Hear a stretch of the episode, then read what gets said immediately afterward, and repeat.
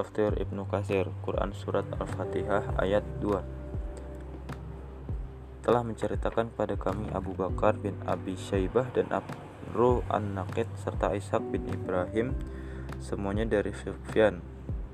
Berkata Abu Bakar telah menceritakan kepada kami Sufyan bin Uyainah dari Az-Zuhri dari Mahmud bin Ar-Rabi dari Ubadah bin As-Samit menyatakan hadis tersebut marfu pada Nabi Shallallahu alaihi wasallam tidak sah sholat seseorang yang tidak membaca Al-Fatihah. Sahih Muslim, Kitab Salat nomor 595.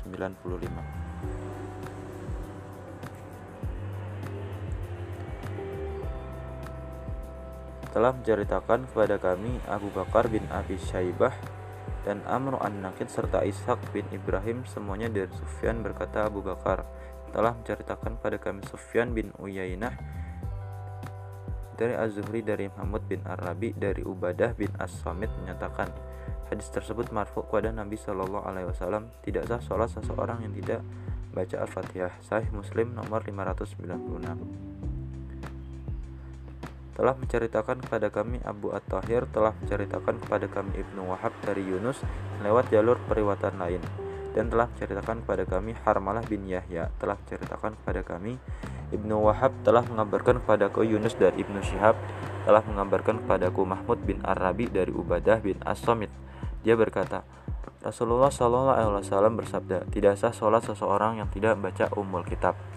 Sahih Muslim nomor 597 telah menceritakan kepada kami Al Hasan bin Ali Al Hulwani telah menceritakan kepada kami Yakub bin Ibrahim bin Sa'ad telah menceritakan kepada kami ayahku dari Salih dari Ibnu Syihab bahwa Mahmud bin Arabi yang Rasulullah Shallallahu Alaihi Wasallam pernah menyemprotkan air di wajahnya dari sumber mereka mengabarkan padanya bahwa Ubadah bin As-Samit mengabarkan padanya bahwa Rasulullah Shallallahu Alaihi Wasallam bersabda tidak sah sholat seseorang yang tidak membaca umum Quran.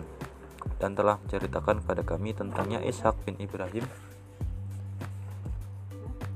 dan Abid bin Humaid keduanya berkata telah mengabarkan pada kami Abdul Razak telah mengabarkan kepada kami Ma'mar Az-Zuhri dengan sanad misalnya dan nambahkan atau lebih banyak.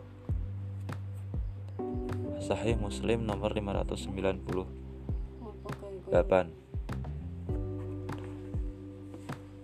telah menceritakan kepada kami Ishak bin Ibrahim Al-Hanzali telah mengabarkan pada kami Sufyan bin Uyainah dari Al-Ala Al-Ala dari ayahnya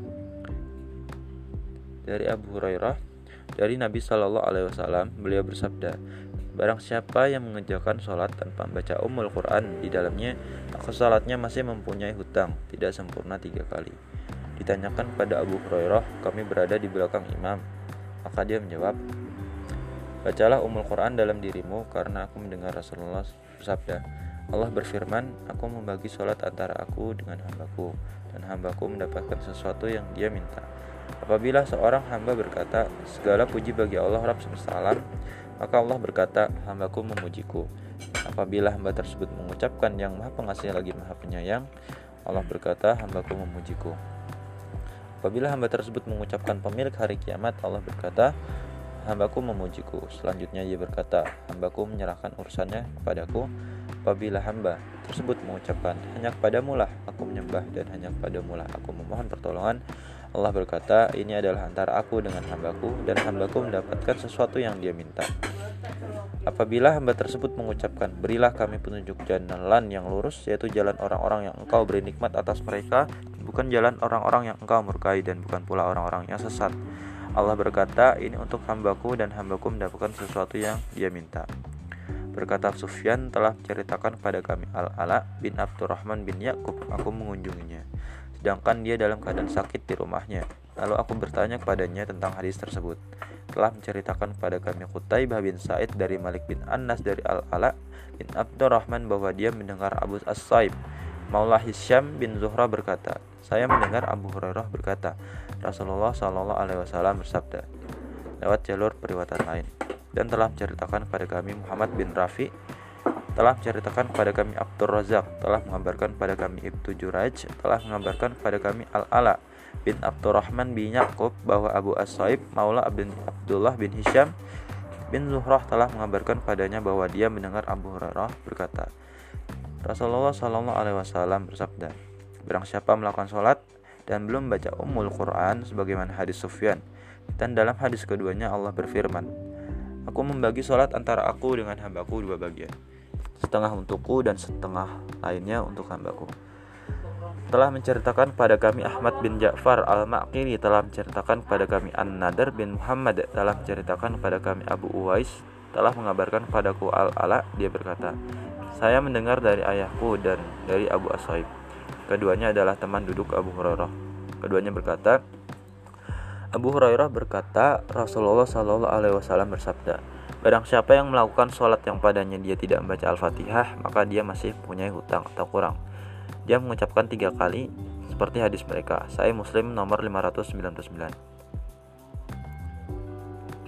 Telah menceritakan pada kami Muhammad bin Abdullah bin Numair telah menceritakan pada kami Abu Usamah dari Habib bin Ash-Syahidiyah berkata, aku mendengar Atta menceritakan dari Abu Hurairah bahwa Rasulullah Shallallahu Alaihi Wasallam bersabda, tidak sah sholat kecuali dengan membaca Al-Fatihah Abu Hurairah berkata, sesuatu yang diumumkan oleh Rasulullah, niscaya kami mengumumkannya kepada kalian. Dan sesuatu yang disembunyikan oleh Rasulullah, niscaya kami menyembunyikannya untuk kalian. Sahih Muslim nomor 600. Telah menceritakan pada kami Amru an-Naqid dan Zuhair bin Harb dan lafaz tersebut milik Amru, keduanya berkata, telah menceritakan pada kami Ismail bin Ibrahim telah menceritakan pada kami Ibnu Juraij dari Atta dia berkata Abu Hurairah berkata, dalam setiap sholat dia membaca, maka sesuatu yang diperdengarkan oleh Rasulullah, niscaya kami mendengarkannya kepada kalian. Dan sesuatu yang disembunyikan oleh Rasulullah, niscaya kami menyembunyikannya untuk kalian. Maka seorang laki-laki berkata kepadanya, apabila aku tidak menambahkan pada umul Quran dengan surat lainnya, maka dia menjawab, jika engkau menambahkan kepadanya, maka itu adalah baik. Dan jika engkau berhenti padanya, maka sudah cukup bagimu. Sahih Muslim nomor 601 telah menceritakan pada kami Yahya bin Yahya telah mengabarkan pada kami Yazid yaitu Ibnu Zurai dari Habib Al-Muallim dari Atta dia berkata Abu Hurairah berkata dalam setiap sholat terdapat suatu bacaan. Maka sesuatu yang diperdengarkan oleh Nabi Shallallahu Alaihi Wasallam niscaya kami memperdengarkannya kepada kalian. Dan sesuatu yang disembunyikan oleh beliau niscaya kami menyembunyikannya dari kalian. Dan barang siapa yang membaca umul qur membaca umul kitab, maka sungguh telah cukup baginya dan barang siapa menambahkan, maka itu adalah lebih baik. Allah alam Wassalamualaikum warahmatullahi wabarakatuh.